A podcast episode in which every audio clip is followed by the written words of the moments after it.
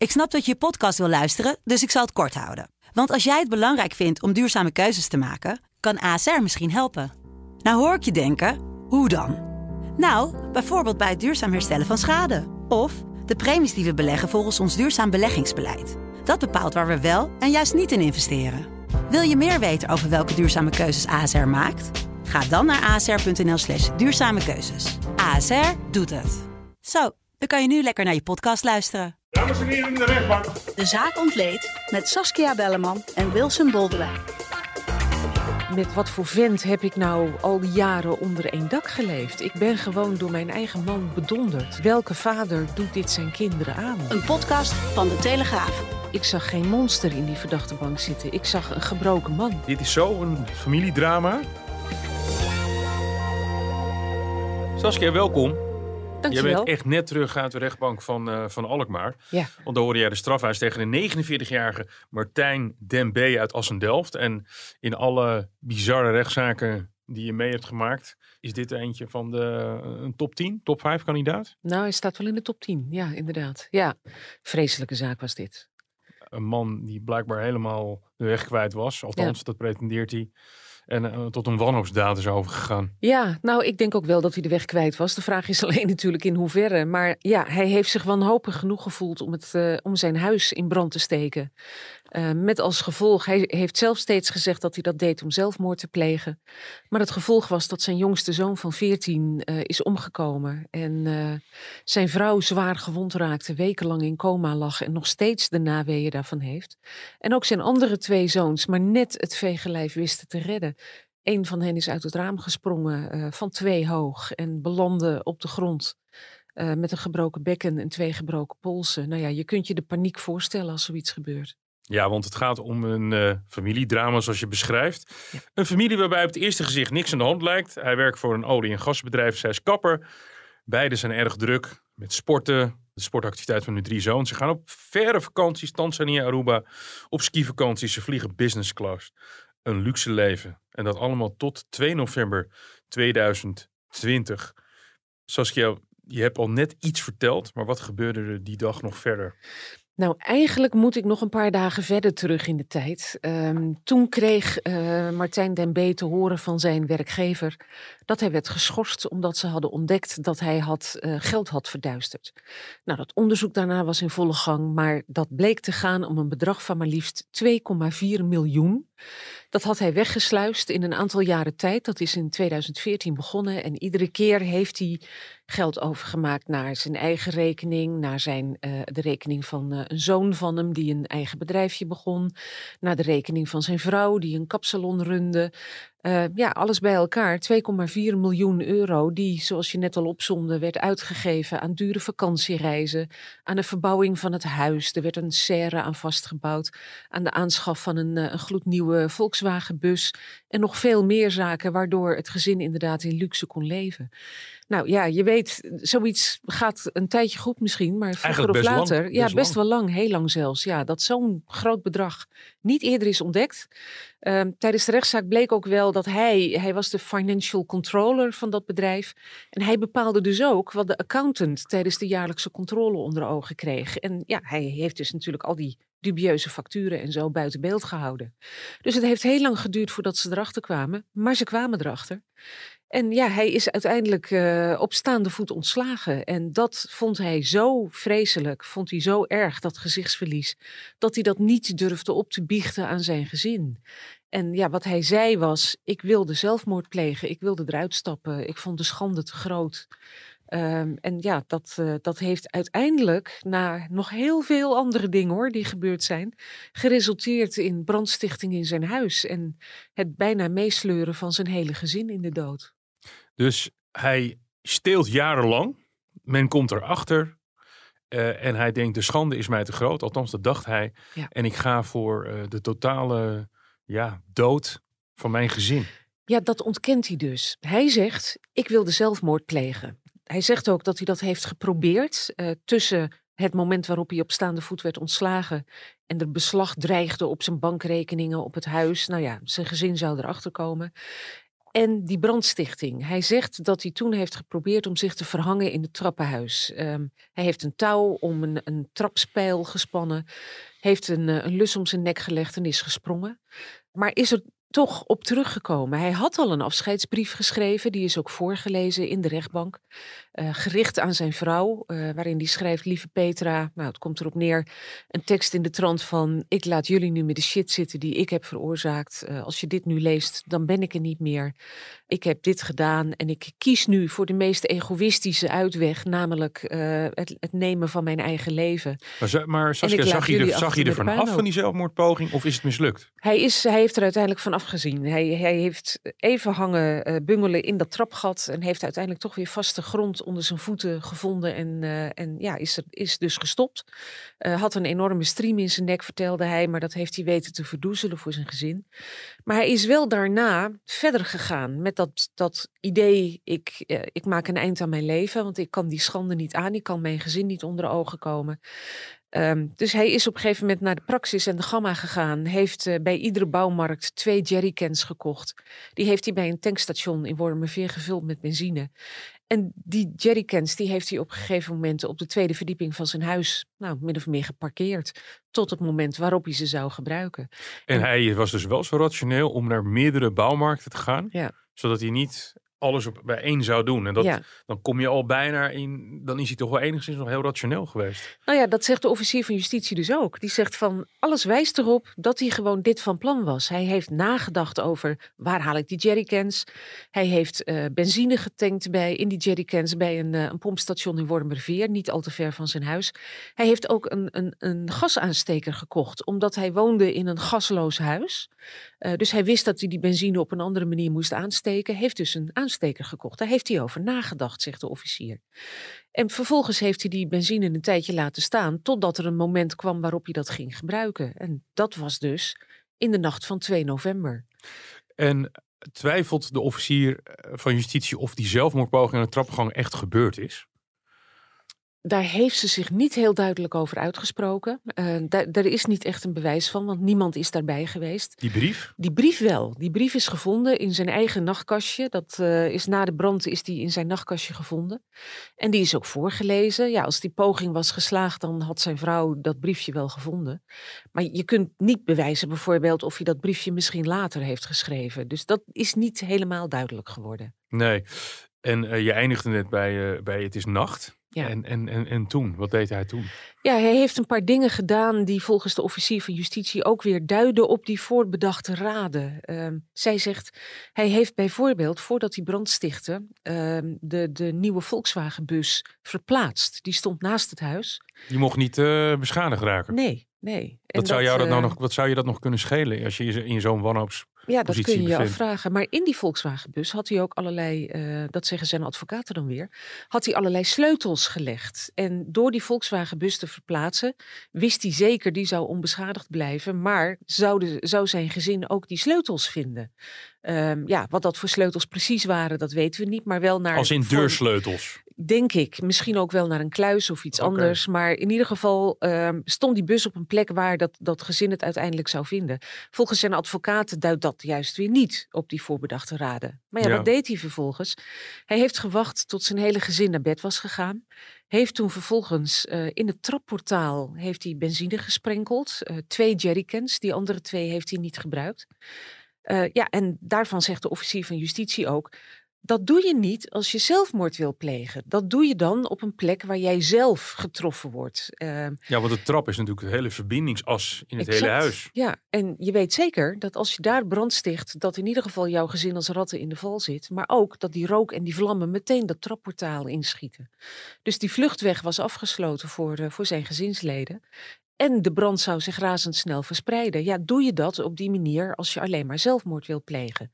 Nou, gisteren tijdens uh, die eerste dag van de zaak was, uh, was hij heel zwijgzaam. Wilde hij eigenlijk helemaal niks zeggen. Wat voor man is het? Wat voor man was het? Ja, eigenlijk een hele normale man om te zien. Zo kwam hij ook heel, heel lang over op al zijn buren en al zijn vrienden uh, en familieleden. Uh, maar ja, toch een man, dat zei zijn zoon op een gegeven moment. Ik dacht dat ik mijn vader kende, maar hij bleek toch twee kanten te hebben. En die andere kant, die kende ik niet.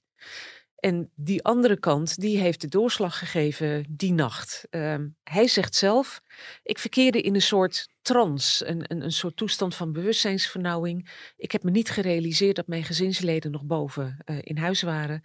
En ik was echt alleen maar bezig met uh, mezelf van het leven beroven. En al zijn daden wijzen daar eigenlijk niet op, hè? Nou, veel van die, die, die daden niet. Um, dat zegt de officier van justitie ook. Wat hij op een gegeven moment deed was, hij rende de trap op toen hij eenmaal dat, uh, die benzine had aangestoken. Dat ging gepaard met een explosie.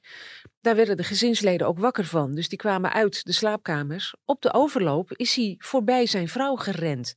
Hij schreeuwde nog van allemaal naar boven, allemaal naar boven. Uh, en vervolgens is hij de badkamer ingelopen en heeft hij zich daar opgesloten. En hij heeft dus geen enkele poging gedaan om te helpen met het redden van, uh, van zijn gezinsleden. En die moesten naar boven, er zat nog een verdieping op. Ja, er, zat, uh, er zaten nog twee verdiepingen op, een eerste en een tweede etage. Op die tweede etage sliep zijn oudste zoon en op de eerste etage sliepen de twee andere zoons en hij met zijn vrouw. Nou, die, uh, al die kinderen die hebben wanhopige pogingen gedaan om dat huis uit te komen. Um, Eentje is er in, in paniek vanaf de tweede verdieping uh, uit het raam gesprongen. En die belandde dus zwaar gewond op de oprit van uh, de woning. De andere heeft met een, een bierkrat heeft hij een, een ruit ingeslagen. Dat hele huis was voorzien van veiligheidsglas. Dus dat was een enorm karwei. En uiteindelijk hebben buren een ladder tegen de gevel gezet om hem eruit te halen. Zijn vrouw stond op een gegeven moment op uh, ja, een soort afdakje uh, boven de voordeur, maar realiseerde zich dat haar jongste zoon nog niet buiten was. Dus zij is teruggegaan naar binnen, naar de slaapkamer van, uh, van die jongste zoon. Die lag bewusteloos op de grond. Die heeft ze nog weten op te tillen om hem op het bed te leggen, om hem vervolgens beter te kunnen vastpakken en hem naar buiten te tillen. Maar inmiddels was er zoveel rook en zoveel hitte in die kamer dat zij ook het bewustzijn verloor. Dus zij zijn uiteindelijk door de brandweer uh, uit dat huis gehaald. Nou, zijn vrouw heeft uh, wekenlang in coma gelegen, uh, zwaar gewond geraakt. ja, zij was kapster, maar of ze ooit haar werk weer op een normale manier kan oppakken, dat is de vraag. Ehm, en ja, voor de zoon bleek de hulp te laten komen. Hij is ehm, vier dagen later overleden. Hij bleek uh, rookvergiftiging te hebben en uh, hersenschade als gevolg van zuurstofgebrek. En hij was over 60% van zijn lichaam verbrand. En ja, niets heeft hem meer kunnen redden. En dat heeft zijn vrouw dus pas gehoord, de vrouw van Martijn den B. Uh, op het moment dat ze een paar weken later uit haar coma ontwaakte. Toen he heeft ze dus eigenlijk pas vol beseft dat ze haar zoon kwijt was. Dat haar andere twee kinderen gewond waren geraakt. En dat allemaal door toedoen van haar man. En ja, als je dat dan als je dan hoorde wat ze daarover had opgeschreven, van ja, met welke, wat voor vent heb ik nou al die jaren onder één dak geleefd? Ik ben gewoon door mijn eigen man bedonderd. En welke vader doet dit zijn kinderen aan? Ja, heb jij haar, jij hebt haar gezien, hè? Ja, maar niet gesproken. Dat was niet echt mogelijk. Daar had ze ook niet echt een behoefte aan. Maar uh, ik heb haar wel gezien. Ja. Zag je ook echt dat zij, uh, dat zij gewond was, nog steeds? Nou, dat heb ik niet echt kunnen zien. Zij was vooral gewond aan haar pols en aan haar benen. Ja, die heeft ze bedekt. Dus dat, uh, dat kon je niet echt zien. En um, zij is door de kunstmatige beademing, waar ze heel lang aan heeft gelegen, heeft ze ook problemen in haar keel met haar, haar luchtwegen opgelopen. Dat, zie, dat zie je niet aan de buitenkant. Nee. Maar we inmiddels wel gewoon gehandicapt en ja. ja. mogelijk haar werk als kapsen niet meer doen. Ja, dan blijft mij toch verbazen dat je zo lang heb je toch een soort van gezin met reizen en met sportactiviteiten. En zij zegt echt oprecht, en uh, ik zeg dat niet dat ik er niet geloof, dat je, -hmm. dat je de eerste keer niet gelooft, maar dat hij echt nooit iets aan hem gemerkt heeft. Nee, nou ja, dat zijn vragen die natuurlijk bij meer mensen opkwamen. Hè? Want hij schijnt op een gegeven moment een bedrag van zes ton op de rekening van haar kapsalon te hebben gestort. Uh, ja, dan krijg je natuurlijk vragen van hoe kan het nou dat ze, dat ze zich daar niet het een en ander bij heeft afgevraagd. Ja. En, hey, ik denk dat jij ook wel weet hoe duur business class vliegen is. Ja, uh, nou, dat, is een paar uh, duizend euro exact, per ticket. Exact. En als je dat dan doet met je hele gezin, dat loopt behoorlijk in de papieren. Maar hij heeft dus tegen haar verteld dat hij beleggingen had gepleegd en dat die heel gelukkig waren uitgepakt. Ja, dat was niet echt een reden voor haar om, om te twijfelen aan de waarheid van dat verhaal. Hij was tenslotte ook controller. Hij was financial controller, dus hij wist waarmee hij bezig was. Dat, uh, ja, dat mocht zij natuurlijk ook, ook denken. Wat mij nog wel, dat kwam nog wel bij mij op, is um, hij is twee keer eerder ontslagen bij eerdere werkgevers ook vanwege frauduleus handelen. Ja, de vraag is even, heeft ze dat nou geweten of niet? Of heeft hij ook dat voor haar weten te verbergen? Want ja, dit ontslag op staande voet verborg hij ook voor haar. Hij ging gewoon s morgens om acht uur de deur uit, alsof hij naar zijn werk ging. Wat deed hij dan al die tijd? Nou, hij heeft uh, in ieder geval van één dag verteld dat hij een hotelkamer had gehuurd en daar een paar uur heeft doorgebracht. En ja, hij wist natuurlijk ook dat zijn gezinsleden niet voortdurend thuis waren.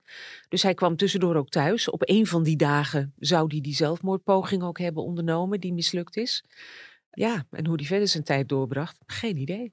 Nu is hij naar de badkamer, even weer terug naar die, naar die bewuste nacht. Hè? Hij is naar die badkamer gegaan. Wat, wat deed hij daar dan? Nou, hij heeft daar de, deur op slot gedaan en wat hij uh, vertelde, niet zozeer tegen de rechtbank hoor, want hij vertelde heel weinig tegen de rechtbank. Maar dat heeft hij eerder in politieverhoren verteld. Dat hij dacht dat hij daar wel zou stikken door de rook. Maar toen dat niet gebeurde, heeft hij geprobeerd om zichzelf op te hangen aan de handdoekradiator. Uh, er lag een broek van zijn zoon in die badkamer, daar zat een broekriem in. Die heeft hij om zijn hals gedaan en vervolgens heeft hij zich geprobeerd te verhangen aan die handdoekradiator. Maar die kwam van de muur, die kon dat gewicht niet dragen.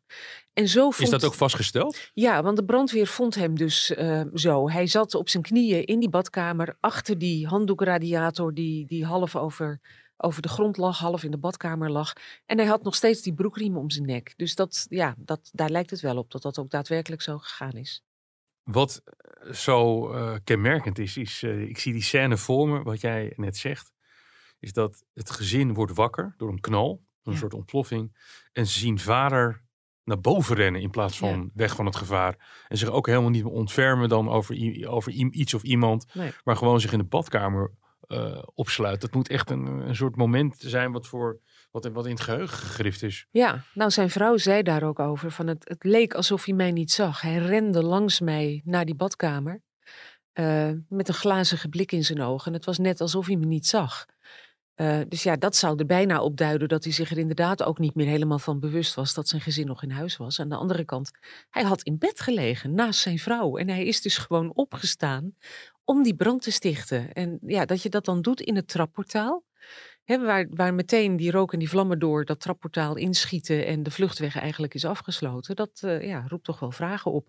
Er zijn verhalen geweest ook uh, dat uh, hij de afstandsbedieningen van de rolluiken die voor de, de slaapkamerramen zaten, zou hebben verdonkere maand.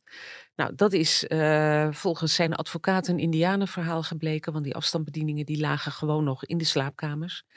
Uh, alleen werkten ze niet allemaal meer. Dat vertelde de oudste zoon ook. Die had geprobeerd om met die afstandsbediening uh, zijn, zijn rolluik uh, naar boven te doen. Maar dat, dat lukte niet echt. Want dan zit je echt in de val. Dan, dan kom je, je gewoon niet doorheen. Nee, precies. Dat klopt. En ehm, ja, er was ook nog sprake van, dat zijn ook verhalen geweest die die ronde deden.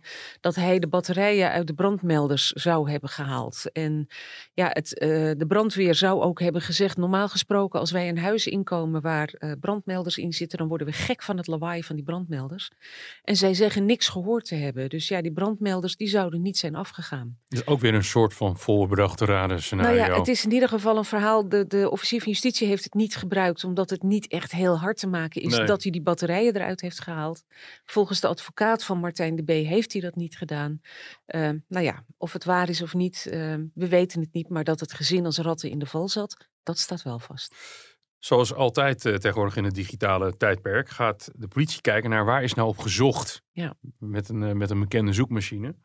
En toen kwamen uh, methoden van zelfmoord kwamen naar voren, maar ook gezinsdrama. Ja, dat is inderdaad heel opmerkelijk. En ja, dat, daarvan zegt de officier van justitie, dat duidt er toch op dat hij wel degelijk de vooropgezette bedoeling had om zijn hele gezin mee de dood in te sleuren.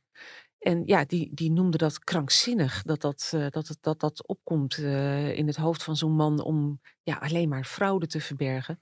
Maar zegt hij zelf, um, ik heb dat niet actief ingetikt, ik heb daar niet op gezocht, maar ik heb wel gezocht op methoden om zelfmoord te plegen. En toen ik brandstichting intikte, toen kwamen er berichten naar boven over gezinsdrama's die nou ja, door uh, brandstichting zijn gepleegd. Dus hij zegt, het stond in de zoekresultaten maar ik heb het niet actief ingevoerd. Ik heb nee. er niet op gezocht. Nee, dus dat, uh, dat, dat, dat, zou, het was een soort bijvang, zeg maar, uh, volgens Ja, dat is wat hij zegt, ja. Op Twitter had iemand geschreven dat dit monster maar lang opgesloten mag worden.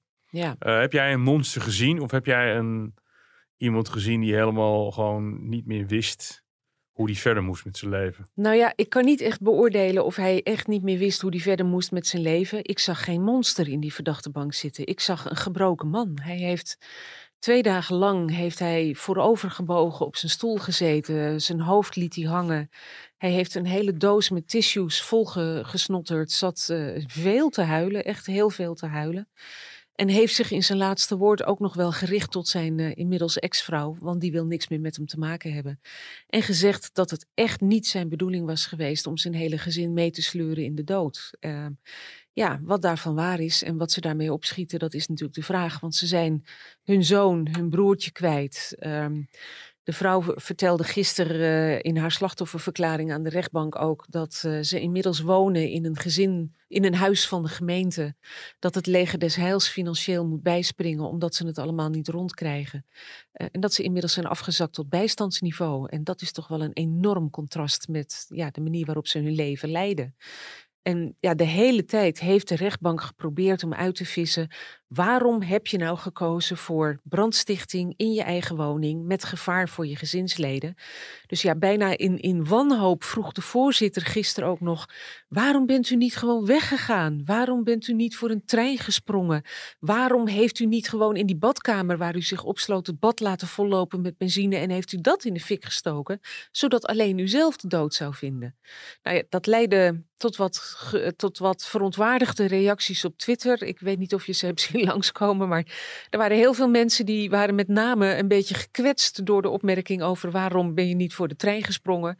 Want ja, wat doe je daarmee machinisten aan? maar daar ging het natuurlijk niet om. Is, uh... De voorzitter had ook helemaal niet de bedoeling om aan te geven dat dat een betere optie was geweest. De voorzitter wilde gewoon echt uit alle macht uitvinden. Waarom heb je nou gekozen voor een manier waarbij je zoveel mensen in gevaar bracht? En waarom heb je niet gekozen voor een methode waarbij je alleen jezelf om het leven zou brengen? Ja, er wordt gesproken over een echte binnenvetter. En ik probeer dan een beetje met psychologie van de koude grond te beredeneren dat waarschijnlijk was deze luxe levensstijl mm -hmm. uh, voor deze man het summum. Zo, zo hoor je te leven. En hij ja. wist van, dit is nu allemaal voorbij. Want uit al meerdere banen hè, was het misgegaan. Ja. En blijkbaar hecht hij er daar zoveel waarde aan. Ja. Dat, dat een ja. andere manier van leven voor hem helemaal geen optie was. Kennelijk. Had hij een arme jeugd gehad of zo? Weten we er iets over? Nou, daar weten we eigenlijk heel weinig van. Hij is wel naar het Pieter Baan Centrum geweest voor onderzoek. Uh, maar die hebben eigenlijk geen advies kunnen geven over zijn toerekeningsvatbaarheid. Ze hebben wel heel veel over hem verteld. Ze hebben gezegd dat hij uh, toch een persoonlijkheidsstoornis uh, heeft met trekken van borderline en narcistische trekken. En ook een stoornis in het autisme spectrum. Um, en ze hebben het woord Asperger laten vallen. Uh, en dat zou misschien hebben bijgedragen aan ja, zijn gevoel van ik mag geen gezichtsverlies lijden. Ik moet op de een of andere manier moet ik, uh, mijn gezicht zien te redden. Maar dat je dan voor zoiets drastisch kiest, ja, dat, uh, we kunnen niet kijken in het hoofd van die man. Maar waarom hij dit heeft gekozen en kennelijk het, het erger vond dat hij misschien in de verdachtebank terecht zou komen voor fraude. Ja, dat, uh, dat vraag je je wel af. Ja, dat overzicht had hij dan waarschijnlijk toch niet meer. Anders ga je wel. Want uh, uh, brandwonden en vuur is ook allemaal heel pijnlijk. Hè? Ja, het is, precies, het is een gruwelijke methode. Het is een gruwelijke ja, methode. Je, ja, je, je gezinsleven kunnen hadden bij wijze van spreken met, met 80% verbrand liggen, hadden ze nog kunnen overleven. Ja, maar hij zelf ook. Hij zelf ook. Ja. Ja, dat dus maakt daarom, het zo dat maakt het zo onbegrijpelijk. En dat is, uh, maar over dat aspect blijven we dus gewoon in de duister tasten, omdat het Pieter Baan Centrum zegt van ja, eigenlijk hebben we niet kunnen vaststellen dat hij, dat hij echt heeft gehandeld onder invloed van bewustzijnsvernauwing of die trans die hij zelf schetste. We weten het gewoon niet. Nee. En ja, dat betekent dus toch dat ze ook geen uitspraak hebben kunnen doen over zijn toerekeningsvatbaarheid. En ook niet over de vraag of het noodzakelijk is om hem een behandeling te geven. Hij verdedigt zichzelf trouwens helemaal niet, hè? Totaal niet. Nee, nee, hij zei eigenlijk al meteen op de eerste dag van het proces tijdens de behandeling van ik accepteer gewoon de straf die mij wordt opgelegd. Ik ben schuldig. En uh, hij wilde ook eigenlijk niet dat zijn advocaten hem zouden verdedigen.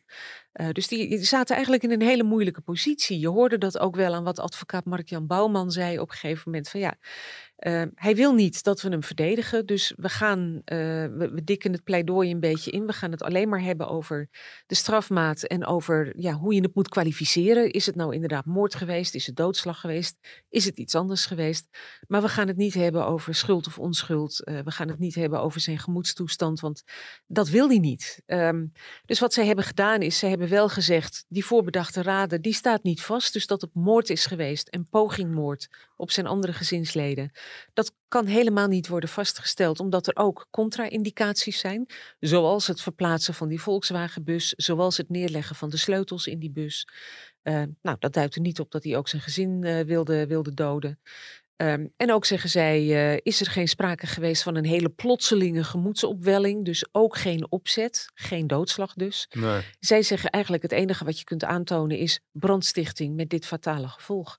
Uh, en niks anders. De eis is uh, 24 jaar. Ja. Dat is een ontzettend lange straf. Ja. Maar eigenlijk, um, ja, die, hier valt eigenlijk geen straf op te maken. Want een van de kinderen in het gezin is dood. Ja. Op een hele gruwelijke manier. Ja. De twee andere, één heeft zelfs zijn bekken gebroken bij de val. Ja, en Nou, twee polsen. Ja. Twee polsen. Nou, zo'n bekken, dat is een heel fundament van het lichaam. Heb je waarschijnlijk de rest van je leven misschien wel last van. Ja. Eh, bijstand.